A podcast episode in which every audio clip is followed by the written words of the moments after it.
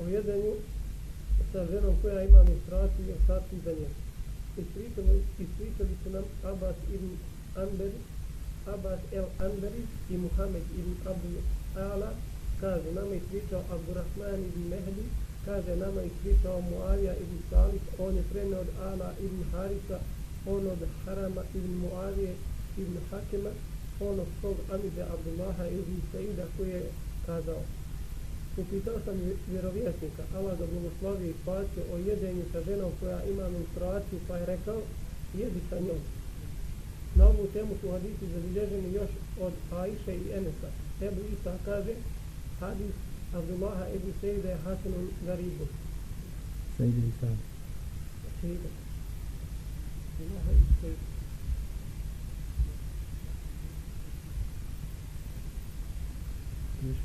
Abdullaha Isa sad Mm. Općenit je stav učenjaka da ne smeta jesti sa ženom koja ima menstruaciju, a različni su se u pogledu vode koja protekne iz nje i za nje poslije kupanja. Neki kažu da se može upotrijebiti dok to drugi smatruju nekruhom. أعوذ بالله من الشيطان الرجيم بسم الله الرحمن الرحيم الحمد لله رب العالمين والصلاة والسلام على رسول الله أما بعد Znači imam i Tirmidhi rahmatullahi alaihi nastavlja da govori o propisima određeni koji su u menstruaciji, odnosno u hajdu. Pa je naveo ovaj hadith od Abdullah ibn Sa'da radijallahu ta'ala anhu koji kaže Seltu Rasulallah sallallahu alaihi wa sallam an wakilati l-haid fa kala wakilha pa je rekao pitao sam znači ovaj ashab Abdullah ibn Sa'd pitao sam Allahu poslanika sallallahu alaihi wa sallam da li je dozvoljeno da čovjek jede sa ženom dok je u hajdu? Pa je rekao Allahu poslanik sallallahu alaihi wa sallam jedi sa njom. Ovo je još jedan u nizu haditha Allahu poslanika sallallahu koji je spomenuo imam i tirmizi po pitanju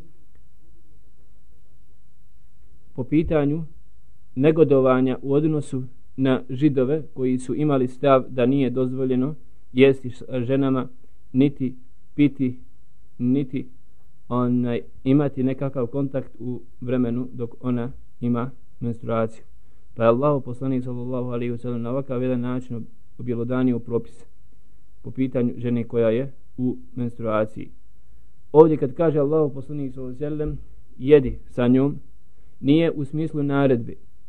Nije u smislu naredbe moraš jesti kao što se kao što vanština upućuje hadith Allahu poslanika sallallahu alaihi wa sallam nego tu se stvar odnosi onaj na mubah. Znači da ti je dozvoljeno da jedeš, nema nikakve zapreke, niti grijeha po tom pitanju. O ženi koja dok je pod menstruacijom dohvaća nešto iz džamije. Ispričao nam je ku tebe, kaže nama ispričao Ubejde ibn Humeid, on je premio od Ameša, on od Sabita ibn Ubejda, a on od Kasma ibn Muhameda, koji je kazao, Aisha mi je kazala da joj je Allahov poslanik Allah ga blagoslovio i spasio jednom prilikom rekao dodaj mi iz džamije seđadu. Ima menstruaciju rekla sam. A on joj reče pa nije ti menstruacija u ruci. Na ovu temu su hadisi preneseni još i od Ibni Omera i Ebi i Ebu Hureyre. Ebu Isa kaže Aishin hadis je hasenun sahihun. Stav je većine islamskih učenjaka da žena kada je pod menstruacijom može bilo šta dodati iz džamije i nije nam poznato da neko o tome drugčije misli. Što se tiče ovog haditha, ovaj hadith, znači, prenosi od Aisha radijallahu ta'ala anha koja kaže قال لي رسول الله صلى الله عليه وسلم ناوليني الخمرة من المسجد فقلت إني حائض فقال رسول الله صلى الله عليه وسلم إن حيضتك ليس ليست في يدك kaže rekao mi Allahu poslanik sallallahu alejhi ve sellem dodaj mi serđadu pa je ona odgovorila ja sam u menstruaciji pa je rekao Allahu poslanik sallallahu alejhi ve sellem nije ti menstruacija u ruci pa da ne smiješ dokučiti dohvatiti tu serđadu iz mezđida nešto upućuje ovaj hadis Ovaj hadis, draga braća i sestre, upućuje jasno da je bilo svijesti žena sahabiki da im nije dozvoljeno ući u mezđid u vremenu menstruacije. Da je to haram bilo ženi dok je u menstruaciji ili u nifasu ili čovjeku ili ženi koji su onaj džunubi. Tako da je to bila opće poznata stvar po pitanju on, u vremenu sahabiki pa kada je Allahu poslanik sallallahu alaihi wa sallam naredio joj da doda srđadu pogledajte kako je ona odgovorila. Ovdje je došla riječ po pitanju srđade al humra humra u osnovi u arapskom jeziku znači e, od riječi hamr što znači prekriti ili zastrijeti. Oto da je rekao, rekao cima Allahu poslanik sallallahu alaihi wa sallam Hammiru anijetekum. Pokrijte svoje, upotreblje nova riječ znači. Prekrijte i pokrijte svoje posude. Jer ima jedna noć u godini u kojoj Allah spušta bolest. Pazite I ne nađe se nijedna otvorena posuda A da Allah želšanu ne spusti tada Onaj tu bolest u otvorenu posudu. Oto da ona je upotrebio Allahu poslanik sallallahu alaihi ve u ovom hadisu ovu riječ koja znači prkiti i pokriti. Otuda je himar. Pazite, prekrivač za lice. Himar zove se prekrivač za lice i općenito onaj koji prekriva hijab. Ženu zove se znači uh, himar i to je potrebno u Kur'anu također. Voli adribne bi humurihinne ala džujubihinne. Neka spuste vela svoja znači prekrivače kojim pokrivaju svoja glave i svoja lice. I ovo je jedan od dokaza, draga braću Nikabu, ovaj kuranski ajet. Jer džejb u arapskom jeziku znači, znači šta? Ovaj otvor, otvor na košulji ili na odjeći, na haljini, gdje glava prolazi. Razumijete li? To znači u arapskom jeziku džejb. Tako Allah subhanahu wa ta'ala kaže, veli, adrib nebi humurihinne. Neka svojim pokrivačima onaj zastru šta svoje otvore za za onaj znači ovaj, ovaj otvor na haljinama kroz koji prolazi glava kad žena obuče onaj džilbab ili haljinu. Tako da kažu učenjaci ne može se pokriti ovo šta osim da bude preko čitavog onaj čitave glave pokrivač odnosno himar. Od toga je također došla riječ hamr alkohol zato što alkohol prekriva šta? Čovjekov razum i mozak i ne može više da konta. Tako i u ovom slučaju srđada, komad na kojem je Allah poslanik sallallahu znao nekada klanjati u mezđidu, pogledajte, nije došlo od ove riječi. Iz ovog se uzima propis, draga braći i sestre, da je dozvoljeno da čovjek klanja na hasuri ili da klanja šta? Na srđadi ili na tepihu. Za razliku od šija, lanetullahi alem koji vjeruju da nije dozvoljeno i da je namaz neispravan ako čovjek ne klanja onaj, na zemlji. Razumijete li? Oto da klanjaju na pločici koja je bila uzrok da nam zabrane predavanje. Onaj, oto da oni klanjaju kažem on, vjeruju to je njihova dogma da nije dozvoljeno da čovjek obavi namaz osim na zemlji. Što jasno ovaj hadith Allahu poslanika sallallahu alejhi ve sellem upućuje da onaj poslanik sam upotrebljavao serđadu ili komad, šta tkanine na kojom je onaj obavljao seždu da bi se zaštitio, pogotovo od čega, od prašine ili od kamenica koji bi eventualno čovjeka ezijet ili uznemiravali kad čovjek padne na seždu. Također na hadith od Enesa, radi Allahu ta'ala hadith u Bukhari, kada je otišao kod umu Haram, ili tako, bint Milhan, onaj, svoje tetke radi Allahu ta'ala anha sa poslanikom sallallahu alaihi wa sallam koja bila onaj nedalek od Kuba također ima hadis poslanika sallam kada je naredio Allahu poslanika sallam da donese hasru da klanjaju na njoj. Što jasno upućuje o propisanosti uzimanja serđade da je dozvoljeno da nema nikakve zapreke da čovjek čini serždu onaj na nečemu mimo zemlje. Pa je rekao Allahu poslanik sallallahu alaihi wa sallam Aisha radi Allahu ta'ala anha dodaj mi tu serđadu iz mezđida. Pa kada je Aisha radijallahu ta'ala ona je znala da joj nije dozvoljeno da uđe u mezđid, želila je da upozori Allahu poslanika sallallahu alaihi wa sallam da ona ne može ući u mezđid i uzeti srđadu i donijeti. Ali pogledajte kako kažu islamski učenjaci kad govori u komentaru ovog haditha. Na kakav lijep način žena treba da postupa sa svojim mužem. nije mu rekla ja ne mogu onaj to uraditi bez da mu objasni zbog čega razumijete li nego je odmah mu rekla razlog da ne bi dala priliku da se poslanik sellem naljuti na nju pazite pa da tek kasnije ona pokuša njemu objasniti jer veoma često dolazi sukup među mužom i ženom zbog toga što muž ne zna zbog čega nešto žena ne može u određenom momentu da uradi. Razumijete? Ona kaže da uradi nešto, ona možda ima opravdanje. Možda trenutno hrani dijete ili nešto slično, razumijete? Zaposlina je stvari koja preča od onoga što muž od nje traži da uradi. Ali ako mu ne objasni razlog zbog čega, to će mu dati povod da se naljuti. Razumijete? Oto da kažu islamski učenjaci u, iz ovog dijela haditha Allahu poslanika propisuje se da žena pokuša objasniti uvijek razlog na prvom mjestu. Razumi, ako nešto ne može da uradi, kako ne bi dala priliku da šeitan uđe i da naruši onaj odnos među njom i njenim mužem i ne, da ne da priliku da se muž naljuti. Iz ovog uzima se također propis o propisanosti, pogledajte u šarijatu, da žena mora slušati muža. Pazite, kao za razliku od određenih fetvi koji se pokušavaju širiti, da osnova kaže nije, do, nije propisano da je dužna žena da sluša muža, niti šta, u smislu da mu ona čini ona hizmet, razumijete li? Ili njegovom bab, babi, ili njegovoj majici. Pazite, jer sjećate kad smo govorili o hadithu po pitanju Abu Duđani radijallahu ta'ala koji je došao, je tako, kao svekar, kod snahi koja mu je polila na ruke, da se abdesti, također mnogo drugih haditha Allahu poslanik upućuju da je to bila opće poznata stvar u šerijatu o propisanosti one slušanja i hizmeta žene u odnosu na muža, u odnosu na njegovu majku, u odnosu na njegovog babu i njegove bližnje rodbine. To su stvari bile opće poznate.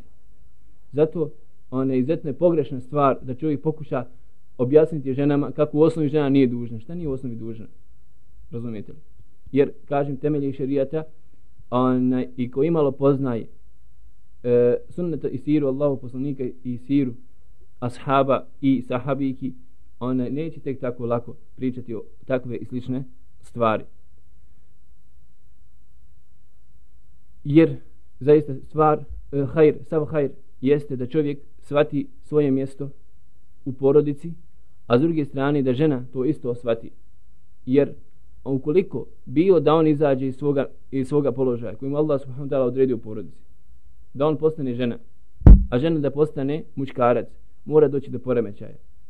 I zato svaka ona porodica gdje izađe se iz pravca i puta kojeg je zacitao Allah subhanahu wa ta'ala, pazite, i njegov poslanik sallallahu alaihi wa sallam, uloge, ako se zamijeni na tom putu, mora doći do poremećaja i mora doći do nezadovoljstva bilo kod strane muža, bilo kod strane žene. Otuda kada Allah poslanik sallallahu rekao Ajši dodaj mi sežadu ona je rekla ja sam u hajdu ja sam u menstruaciji ne mogu da uđem u mezđid želeći tu da kaže jer zabranjeno je pogledajte nije ovaj poslanik sallallahu alaihi wa sallam rekao slušaj tebi je dozvoljeno da uđeš u mezđid nakon toga. Nego Allah poslanik sallallahu kaže inna hajdataki lejset fi jedik. Ako si ti žena u hajdu ne znači da je hajd ti u ruci. Pa da ne možeš ruku, pazite to vanština, vanština, haditha upućuje na to. To ne znači, znači, to ne znači da ti ne smiješ pružiti ruku kroz prozor i da dohvatiš tu serđadu iz mezđida i da mi je daš. Ako ne smiješ sva da uđeš ti u mezđid, on nema zapreke da pružiš ruku, jer ako si ti u hajdu nije tvoja ruka. Jel razumijete? To vanština hadisa upućuje i znajte, draga braća, da osnova, osnova tekstova Kur'ana i sunnete Allahu poslanika sallallahu alejhi ve jeste vanština, zahir. Tu uzmite pravilo je veoma bitno, pogotovo po pitanju akide. Razumijete li? Osnova i vanština, osnova razumijevanje Kur'ana i sunneta Allahu poslanika sallallahu alejhi ve jeste zahir, jeste vanština, ono što vanština upućuje toga teksta. Sve dok ne dođe dokaz da se nešto drugačije misli i, i želi reći. Razumijete? Jer ovaj hadis može se shvatiti na dva načina. Ima vanjsko značenje što podrazumijeva ovo što smo malo prije spomenuli. A ima drugo značenje što podrazumijeva šta? Ha? Da može da uđe. Što znači nije hajdu u tvojim rukama u smislu nisi ti ta koja si onaj sebi šta? Odredila kada ćeš biti u hajdu, a kad nećeš. Ne možeš ti otkloniti o sebi. To je tako Allah ti propisao. Jel razumijete? I to ti ne može da biti zapreka da ne uđeš u mezđid. Oto da ovaj hadis na ovako, ovo drugo značenje koje smo rekli, uzimaju oni koji kažu da je ženi dozvoljeno hajdu da uđe u mezid. To je izuzetno slabo, one, draga braćo, mišljenje. Razumijete li? Jer nema u ovom hadisu argumenta za o takvo svatanje propisa. Nego, ovdje prvo, glagol koju Allah poslanik sam nam rekao na ovoj liniji, dodaj mi. Pazite, znači, on ne znači da čovjek uđi pa da uzmi, nego znači da čovjek douzmi, da do uzeti nešto. S druge strane, osnove šarijate upućuju da nekada dijelovi tijela ne uzimaju propis kao čitavog tijela. Tako kada je Allah poslanik s.a.v. kao što je došao hadis u Buhari i Muslimu, bio u atikafu u mezđidu, gdje je do, zabranjeno da čovjek izađe šta iz mezđida bez nužde, tako je Allah poslanik s.a.v. iz atikafa proturao glavu iz mezida u kuću, šta kroz prozor, a iši radi Allahu ta'ala da ga počešlja. Razumite, li mezid Allahu poslanika i kuća od Ajše bila odma jedna do drugog.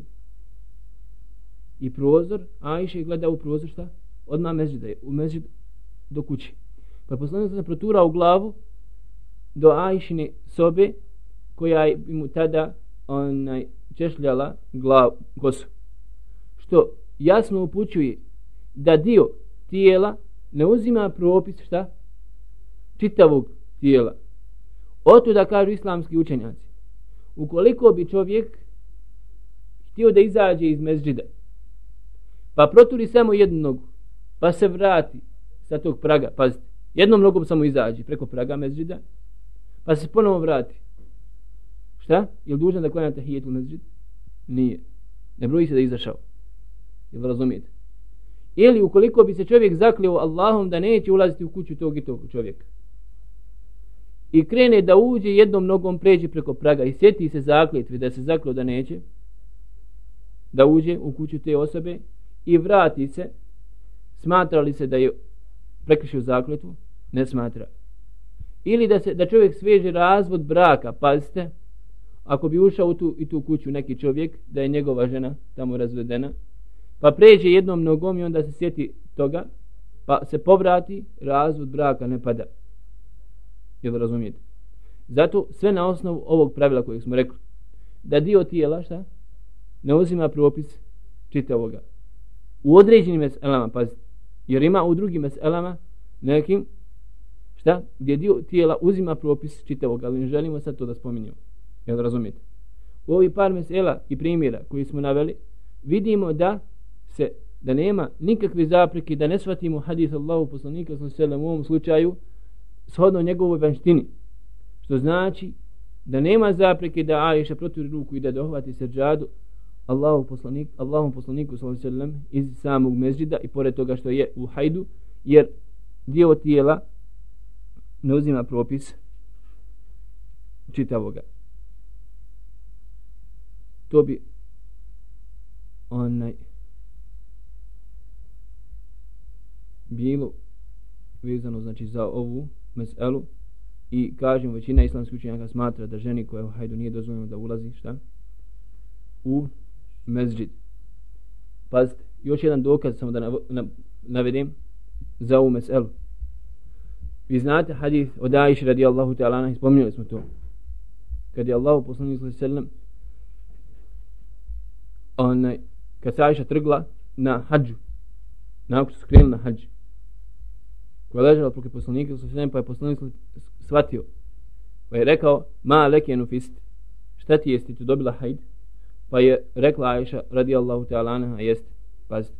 Pa je rekao Allahu poslanik sa sve zake šej un ketebehu Allahu ala benati Adam. Ta stvar stvar menstruacije. Stvar hajda jeste stvar koju Allah subhanahu wa ta'ala propisao kćerama šta? Adem alaihi salam razumijete li?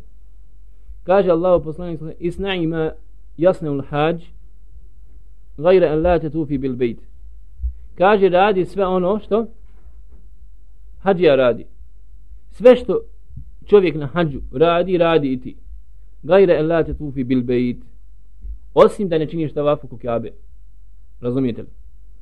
Jel razumijete? Što jasno upućuje da je Allah poslanik sallallahu zabranio joj ulazak u džamiju, u mezđid. Jer joj je dozvolio da čini sa između Safi i Merve koja nije u slopu mezđida. Tada bila. Jel razumijete? Što jasno pućuje da je Allah poslanik sallam zabranio njoj da čini tavaf zato što je tavaf oko Kjabi, a Kjaba je mezđid što je još, još jedan dokaz o zabranjenosti ulaska žene koja je u menstruaciji u samu džamiju, odnosno mezđid. Još jedan dokaz. Još jedan dokaz koji na jedan indirektan način na osnovu jedne predaje govori o tome. Vi znate da Allah poslanik sallallahu alejhi ve sellem naredio i odnosno preporučio da klanjanje pristupovanju Bajram namaza da klanjanju Bajram namaza prisustuju i žene i djeca, šta? Pa čak i žene koje su u hajdu, je tako? Jer se klanja gdje? Na musalili, na otvorenom prostoru, koja ne uzima propis mezđida.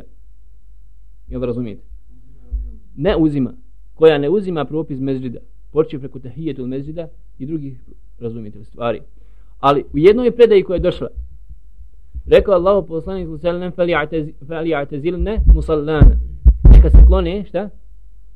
Musalli, neka ne prilazi žene odma na musalli na mjesto gdje se klanja. Nego da budu blizu, okolo musalli. Fali yashhadna da'wat al-muslimin. A neka pristupuju dovi muslimana, ne bili one zadobile šta? Beričet.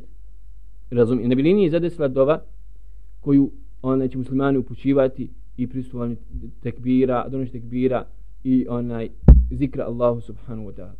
Razumijete? Ali kažem ova onaj predaja upućuje šta na to? Da i musalla koja ima daleko slabi razumijete li propis u odnosu na mezđid na džamiju onaj i čak na osnovu ove predaje na osnovu ove predaje onaj jasno upućuje draga braćo i sestre da ženi nije dozvoljeno da, da ulazi da ulazi u džamiju.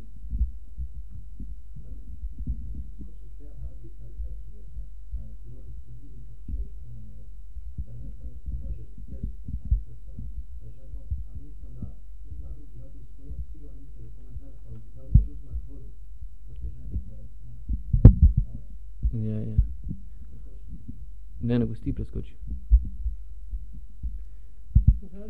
To smo mi radili, ja bi davno. Davno smo mi to radili. Onaj, razumiješ. Poseban hadis, Allahu poslanika sa koji je došao po pitanju mesele i mi smo to detaljno radili, zato nisam htio da spominjem tu meselu. Ali ne, pazi, Habibi, ovo nije hadis. Ovo što on govori, imam i Tirmidhi samo spomenu mišljenje islamskih učenjaka, a on je hadis spomenuo davno prije, razumiješ? I on nije sad spomenuo uopće hadis. Kontaš. I, ali nisam tu smiselu spominjao, zato što smo mi govorili to detaljno o uslovima, šta se podrazumijeva, da li se podrazumijeva sam gusul, da li se podrazumijeva i gusul i abdest.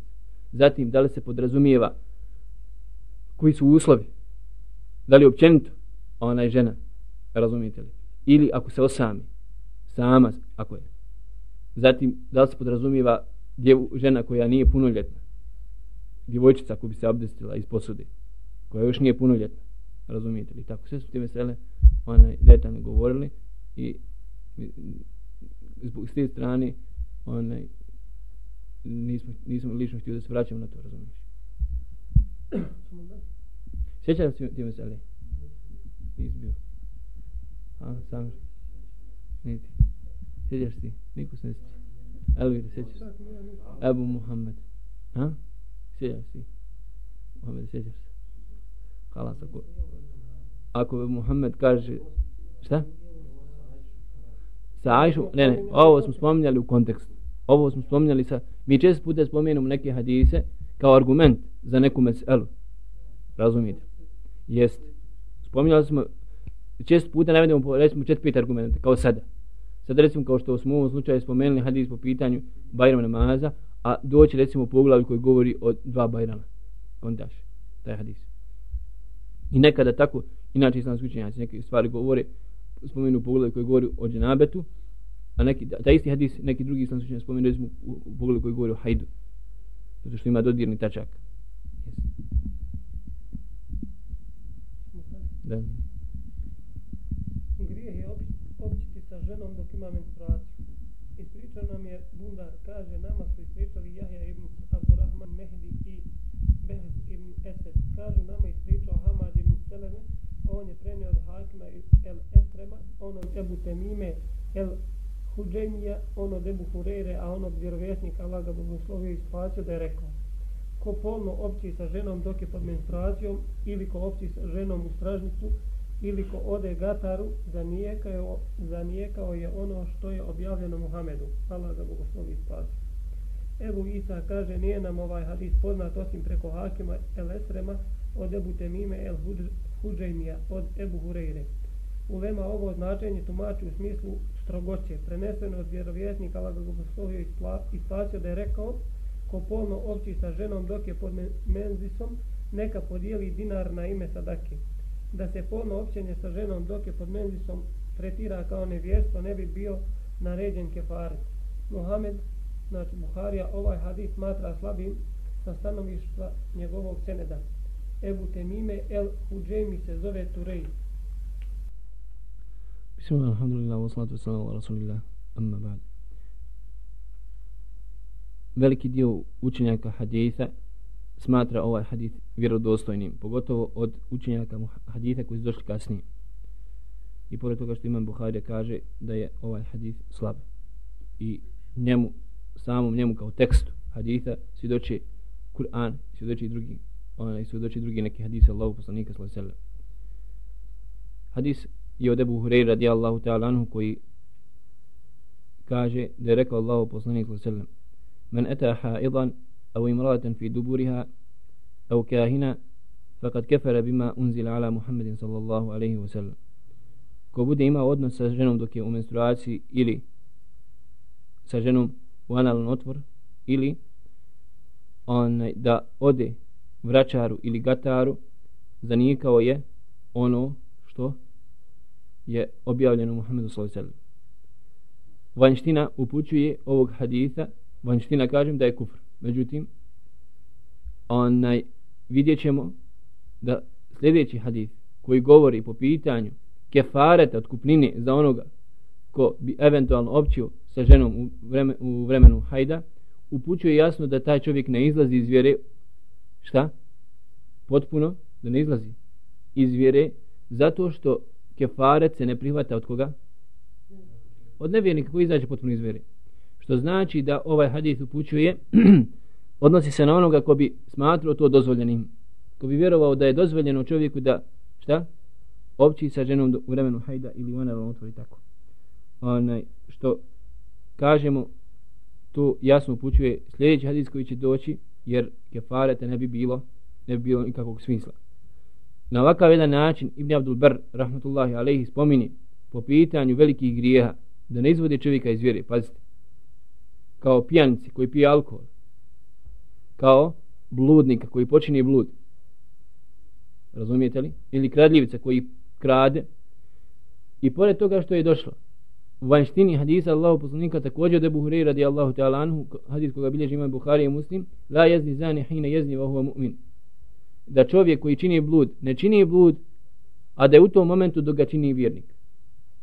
Kaže Ibn Abdul Bar, rahmetullahi alaih, pazite, kaže onaj ne izvodi ova djela, ne izvodi ova djela čovjeka iz vjere samim time što je iđma ummeta, draga braćo i sestre, iđma ummeta da onaj da bludnik se nasljeđuje nasljeđuje. A jasno, a iđma ummeta imamo šta, da? La jeritul kafiru mu'min la jerithul mu'minul kafir Iđma umeta imamo da vjernik ne može naslijediti nevjernika. Jel razumijete? A s druge strane, iđma umeta imamo da se bludnik ili pjanica nasljeđuje. Jel razumijete?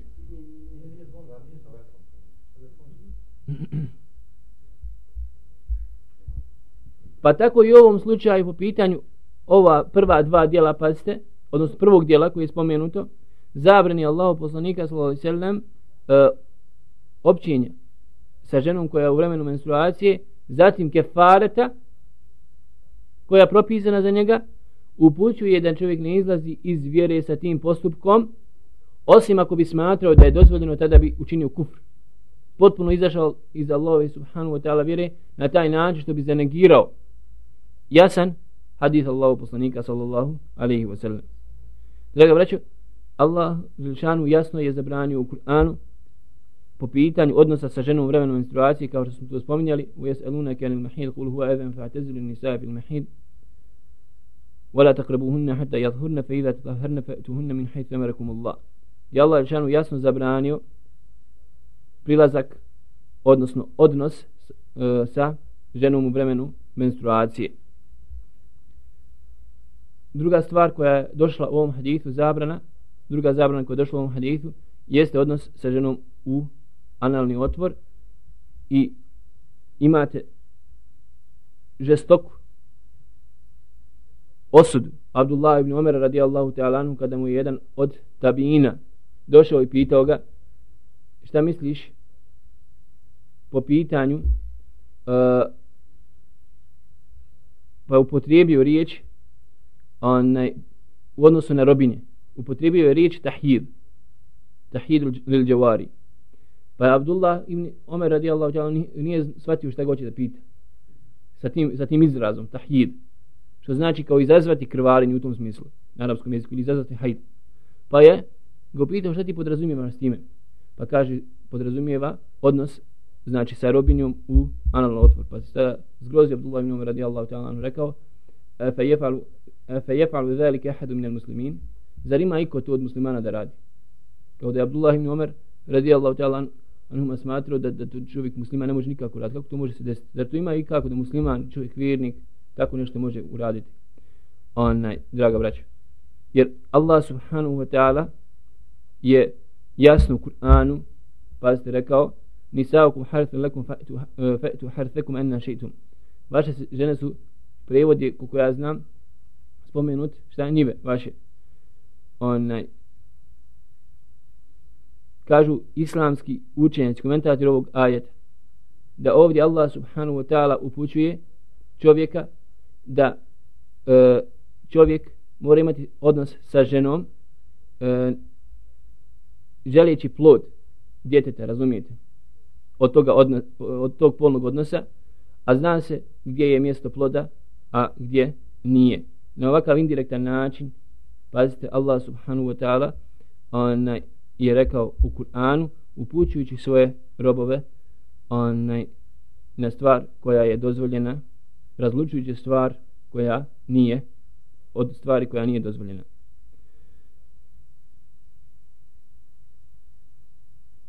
I treća stvar koja je došla ovdje u ovom hadithu da je zabranio Allahu poslanik sallallahu alaihi wa sallam odlazak vraćarima odnosno gatarima. Draga braćo i sestre svako onaj ko bude svako onaj ko bude tvrdio da zna gajb pa makar rekao ti šta će se desiti u budućnosti za jednu minutu čini kufr Allahu subhanahu wa ta'ala koga izvodi koji ga izvodi iz vjere. Potpuno. Jer Allah Žešanu jasno kaže kul la ja'lamu men fi samavati wal ardi il gajba illa Allah. Reci o Muhammeda sallallahu alaihi wa sallam ne zna niko gajb ni na nebesima ni na zemlji. Ni meleki na nebesima niti znaju iko od ljudi. Šta? Onaj na zemlji osim Allaha subhanahu wa ta'ala. Ovo je jedna od stvari koju samo Allah subhanahu wa ta'ala posjeduje. Allah šanu jasno kaže wa indahu mefatihu gajbi la ja'lamuha illa, illa hu kaže on posjeduje ključeve gajba i to niko ne posjeduje osim njega ويعلم ما في البر والبحر كل يعلم كل عنده وعنده مفاتيح الغيب لا يعلمها إلا هو ويعلم ما في البر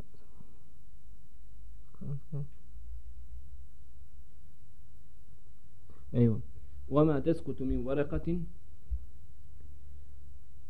الله مستعان ويعلم ما في البر والبحر وما تسقط من ورقة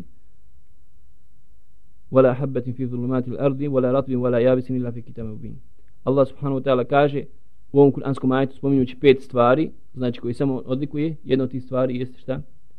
Onaj gaib Allahu subhanahu wa ta'ala samo pripada. Što znači da neko ti dođe i da onaj ustvrdi da zna šta će se desiti bilo preko gledanja u finđan ili gra ili u karte ili nešto slično. Ona na bilo koji način da ustvrdi sebi da zna gaib kaže mu pa makar šta će se desiti za minutu za pola minute? Onaj čini kufr Allahu jalla še'nu. Prenosi se da je došao jedan od tako sihirbaza koji je rekao jednom od halifa u vremenu Abasijske države da će umriti za godinu dana Pa je ušao jedan od islamskih učenjaka kod halife i zatekao ga onako onaj potištenog savu brigama i mukama.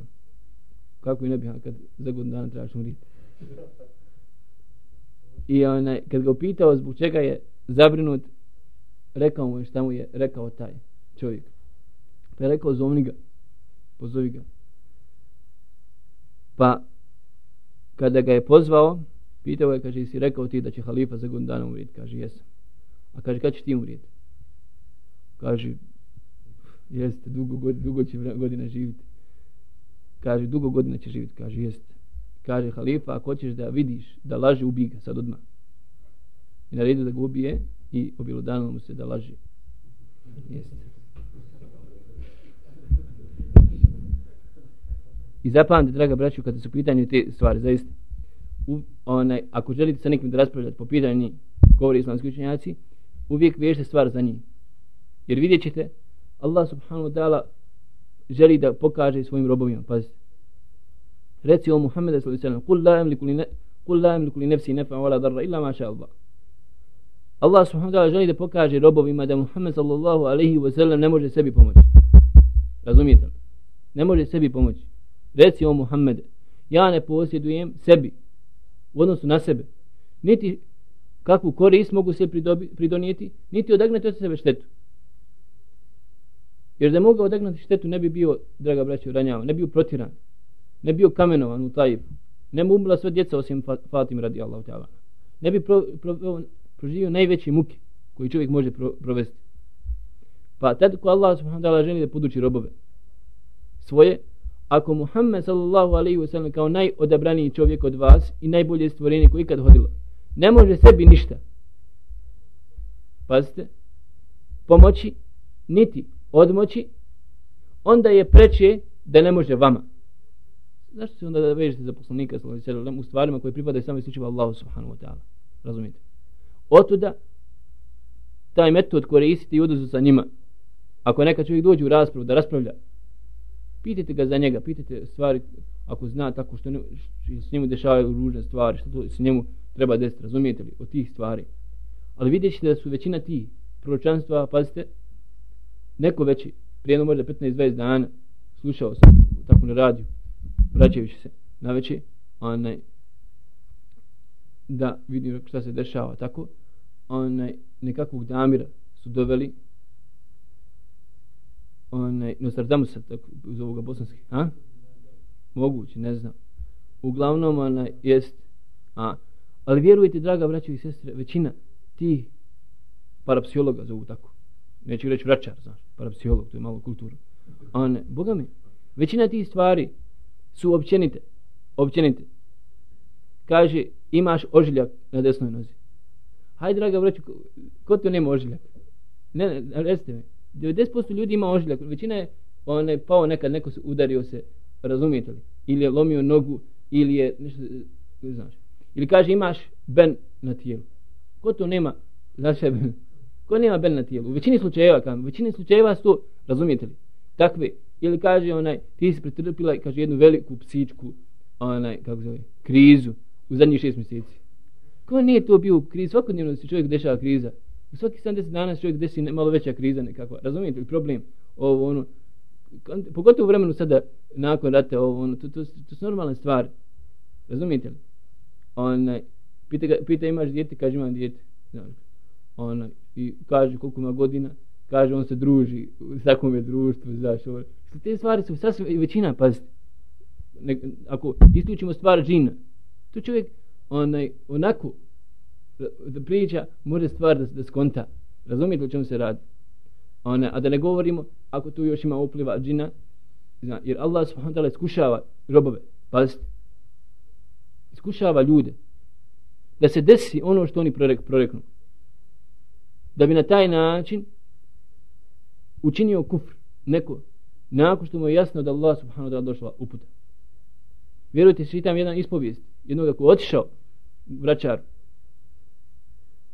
I vraćar, onaj, mu je prorekao da će ga ujesti škorpija na tom i tom mjestu nedaleko od Rijada. Čovjek imao, živi u, u Džiddi, a živio je gore onaj, u Šarki, jednom dijelu, suprotnom skroz dijelu. I kopnenim putem moraš proći kroz, kroz Rijad. I on nije smio da ode kući, nekoliko mjeseci nije smio da ode kući svojoj rodbini u Džiddi, bojao se. I desi mu se, nazovu ga telefonom, onaj, nazovu ga telefonom i kažu, doktor dobio moždani udar mu brat, doktor rekao da pitam će ostati do sutra ujutro, živ, moraš hitno doći. Razumijete? Nije smio da ide kopnom, nego, šta? Otišao da vidi među, onaj avion, međutim žurilo mu se. Sva bila popunjena mjesta, nije mogao, nije imao karte. I zaputi se. Kad došao do toga mjesta, pokvari mu se auto, na put, na po autoputa. I kaže, nema, kaže, sigurno, sad ću se I izađu, jest, jest, izađe, i izbilje ujede ga škorpija. Dok izađe, jest, izađe škorpija i prevezu ga onaj, u rijadu bolnicu, ovo ono, onaj, ispasi mu život, tako Allah subhanahu doći. Ali, nakon toga čovjek se pokaje Allah šanu. Zaista. Jer vidite, vidite, hoće Allah subhanahu ta'ala nekada tako da se desi što ti proreknu. Jer Allah, Allah poslanik sa mu hadis bilježi imam Buharija. Pazite, u svom sahiju. Komentaru. Kalu, ماذا قال ربكم قالوا الحق a kada Allah subhanahu wa ta'ala spušta naredbu kader da Allah razume od sebe pa kada uzmu meleki kada uzme melek Džibril razumijete li ili opunomoćenik melek on meleki padu na seždu neki od njih se one svijesti kada se osvijesti šta kažu šta je rekao vaš gospodar šta je rekao Allah subhanahu wa ta'ala i pričaju onda, onda obavijesti neka meleki šta, se deša, šta će se desiti razumijete li od sudbine u budućnosti nakon što im Allah subhanahu wa ta'ala naredi onaj, a šeitani prisluškuju šta? Taj razgovor meleka i donose vijesti tako koji uspiju da pobjegnu od onaj ovih meteora koji gađaju razumijete i donesu stvar nekada koja bude istinita koju čuju od meleka. I razumijete? I onda tako na takav način Allah subhanahu wa ta'ala ispituje iman i vjerovanje robova. Oto da je Allah poslanik se zabranio odlazak, skroz odlazak, apsolutno, ne smiješ otići. Razumijete li? Jer to vodi onaj ka kufru i širku Allahu subhanahu wa ta'ala na ovakav način. Zato kada Allah subhanahu nekada iskušava robove, što se desi tako, što ti proreknu, da bi na taj način otišao čovjek u propast, nakon što mu je došao argument, jasan dokaz, a s druge strane čovjek vjernik, koji slijedi Kur'an i sunnet, ostaće na uputi opet sa dokazom. Još jedan taj. Iskupljenje kefare za to. Kaže, ispričao nam je Alija ibn Hudud, kaže, nas je obavijestio šerik, on je prenio od Kusajfa, on od Miksema, on od Ibn Abasa, a on od vjerovjesnika Allah ga blagoslovio i spasio da je rekao za čovjeka koji je polno opio sa ženom dok je bila pod menzisom, neka, ne, neka na ime sadake podijeli pola dinara. Ispričao nam je Husein ibn Hurejs, kaže, nas je obavijestio Fadl ibn Musa, on je prenio od Ebu Hamze, es suke, Sukerija, on od Abdul Kerima, on od Miksema, on od Ibn Abasa, on od vjerovjesnika, Allah ga blagoslovio i spasio, te je rekao, ukoliko krv bude crvena, onda jedan dinar, a ukoliko bude žuta, onda pola dinara. Ebu Isa kaže hadis o kefaretu za onog ko, ko opći sa ženom dok je pod menisom i od Ibni Abasa prenesen i kao merfu. Onaj, od jednog dinara u vremenu poslanika sallallahu koliko je bio znači dinar. Samo prije toga da napomenem kefaret je došlo od riječi kufr. Kufr isto znači prekriti nešto i pokriti. Zato recimo seljak koji sije zove se kafir u arapskom jeziku. Seljak jeste u arapskom jeziku, u jeziku, u etimološkom značenju. Razumijem, ne u šarijatskom značenju. Zove se kafir. Zato što on onaj prekriva šta sjeme razumijete li prekriva oto da je nazvan nevjernik kafirom zato što on prekriva istinu. Zna šta je istina i u većini slučajeva svjestane ti stvari ali prekriva svjesno. Oto je kefaret od kupnina je došlo od riječi kova kuf što znači prekriti. Što kada čovjek uradi izvrši otkupninu šta? Allah mu prekrije tu, taj prekršaj i prestup koji je uradio. Kao da ga nije ni uradio. Oto da ima smisao, znači onaj, nazivanje kefareta kefaretom sa ovog aspekt, razumijete li? Pa Allah poslanik sam ovako objasnio i rekao da je kefaret za čovjeka koji opći sa ženom u vremenu hajda jedan dinar. U vremenu poslanika sallallahu alejhi pazite. Inače islamski učenjaci se razišli po pitanju kefareta. I ina opće, uh, ko, kefareta za čovjeka i ženu koji opće u vremenu dok je žena u hajdu. Stav većini islamskih učenjaka je da je njemu obaveza samo te oba. Da se pokaje Allahu subhanahu wa ta'ala kao od bilo kojeg drugog grija. I na tom stanovištu je Abu Hanife, imam Malik, imam Šafija, rahmetullahi, ali kažem to je većina uh, na tom stanovištu većina islamskih učenjaka. Zato što ovaj hadith kod njih šta? Nije vjerodostojan, razumijete li?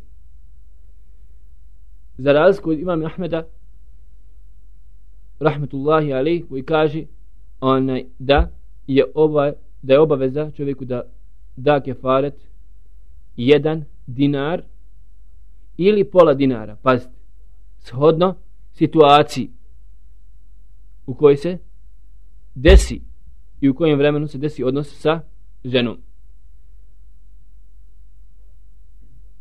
Ovaj hadis doseži do stepene, do Ibn Abbasa radi Allahu ta'ala anhuma i oni vjerodostojni do njega. To je zove mevkuf kada hadis doseži do stepena ashaba to se zove šta? hadis mevkuf ali je problem u tome da li ga je pridodao Ibn Abbas Allahu poslaniku sallallahu alaihi wasallam. da je to rekao Allahu poslaniku sallallahu alaihi wasallam. jel razumijete nema polemike po pitanju hadisa do Ibn Abbas. I na to mi bila fetva. I to izdavao. I kad došao čovjek da ga pita o pitanju ime se, ali Ibn Abbas je davao fetvu po tom pitanju.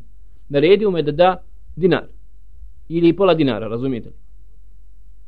Ali u odnosu, ali hadis do poslanika sallallahu alaihi wasallam to je polemika među islamskim učenjacima i onaj koji nije vidio da je hadis vjerodostojan do poslanika sallallahu alaihi wasallam nije vidio šta kefaret da je obavezan. Ovdje kaže Allahu poslanik sallallahu alaihi wasallam od Ibn Abbasa, pazite, Iza kane demen ahmera فدينار dinar, كان دما أصفر فنصف asfara fe nisfu dinar. Ako krv bude crna, odnosno crvena, podrazumijeva se. Ako čovjek ima odnos sa ženom u vremenu hajda, dok je početak hajda, u prvim danima hajda, razumijete li, tada će platiti šta? otkupninu kefaret jedan dinar. Ako se desi odnos, onaj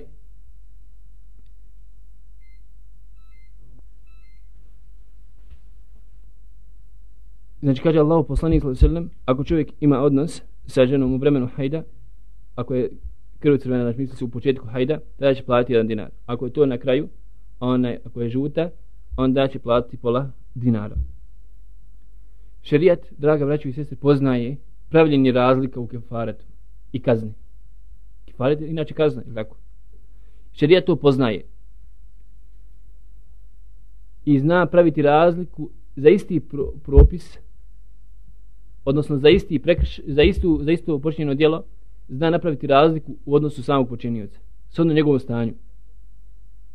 Kada je čovjek koji o, polno opći sa ženom u početku hajda, manje iskušenje, zato što je žena skoro ušla u hajd, nije imao i daleko manje iskušenje da prekrši Allahu subhanahu wa ta'ala zabranu, oto da je kazna došla veća, da plati jedan dinar. Razumijete? A kada je čovjek iskušenje veći, kada prođe vrijeme od početka hajda i kada čovjek onaj izlazi se veće iskušenjima fitne, onaj, pazite, pa padne u haram, tada šta? Šarijat smanjuje kaznu. Onda pola dinara. Kada čovjek oženjen ili žena udata počine blud, tada je kazna smrt u islamu. Ali kada mladić i djevojka neoženjen, neudat, šta? Počinje blud, tada je kazna samo stotinu udaraca bićem. Zato što ona imao, ona i ona, mogli su da zadovolje svoje strasti na halal način, razumijete li? I imali su daleko manje iskušenje da padnu u zabranu Allah subhanahu wa ta'ala oto da je žešća kazna. Ali kada je iskušenje šta mladiće i djevojke daleko veće a onaj razumijete li pa se desi to da padnu u haram tada kazna šta biva manja. Tako da je za isto dijelo bluda šerijat je napravio razliku sa odnostanju i situaciji kao u ovom slučaju. Tako da ne treba čovjeka da zbunjuje to zašto ovome pola, zašto ovome dinara, onome pola dinara. Razumijete li? I došlo u šerijetu. Jel, razumijete? Zato što shodno samom iskušenju, znači, koje bi zadesilo čovjeka, onaj, tada. Postavlja se pitanje koliko, koliko je to jedan dinar danas, u našem vremenu. Ono na čemu je bila če, fetva muftije šeha Muhammeda ibn Ibrahima alu šeha rahmetullahi alej prije znači bin baza onaj jeste da ako bi nisab bio zekijata, pazite, u zlatu u zlatu 80 recimo grama zlata primjer ili 82 podijelite to sa 20 Razumijete? Sa 20 i što dobijete? Ha? 4. Znači 4 grama zlata iznosi 1 dinar.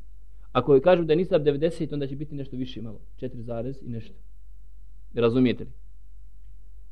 Jeste razumijeli? Na dan počinja, ukoliko bi se desio da čovjek, desilo da neki čovjek padne u grije, dođete pita, desilo mu se tako i tako, onda mu kažeš na dan kada si počinio taj haram, prvo treba te oba Allahu subhanahu wa ta'ala traži oprost od Allaha subhanahu wa ta'ala. Pazite, pod uslovom znači da nije smatrao da je to dozvoljeno. Jel razumijete?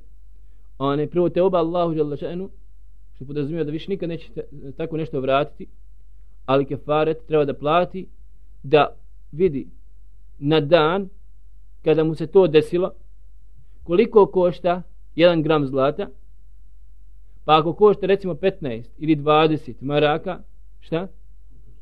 Puta 4 ili 4 zarez nešto, shodno tome koliki je nisab zekijata, razumijete li? Jel kondate? Pa ako kažemo recimo da je 4 grama zlata, 1 dinar, 4 puta 15 maraka, treba da plati šta?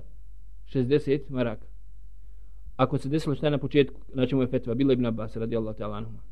Ako je bilo na kraju, vremena hajde, šta? Onda će pola, onda će platiti 30 a? 30 maraka. Znači, gleda se na dan kada se desio taj onaj zločina grije, onaj treba otići vidjeti koliko košta, znači, u zlatari, tada onaj zlato, jedan gram zlata i svojom tome, dati kefaret, dati kefaret od kupninu. Zato, postavlja se pitanje, da li žena je dužan da plati kefaret, kefaret ili ne. Kažu islamski učenjaci, onaj,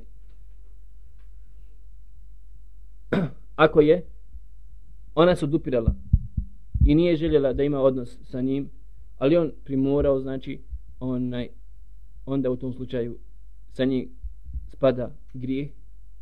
Pa ako spada grije, pazite, ako je neko prisiljen onaj, da nešto uradi, čak kufr, ako je čovjek prisiljen da ga počini, razumijete li, i straha za svoj život ili tome slično, Allah subhanahu wa ta'ala prašta, još preče onda šta da oprosti, Allah subhanahu wa ta'ala, nešto što je manje od toga.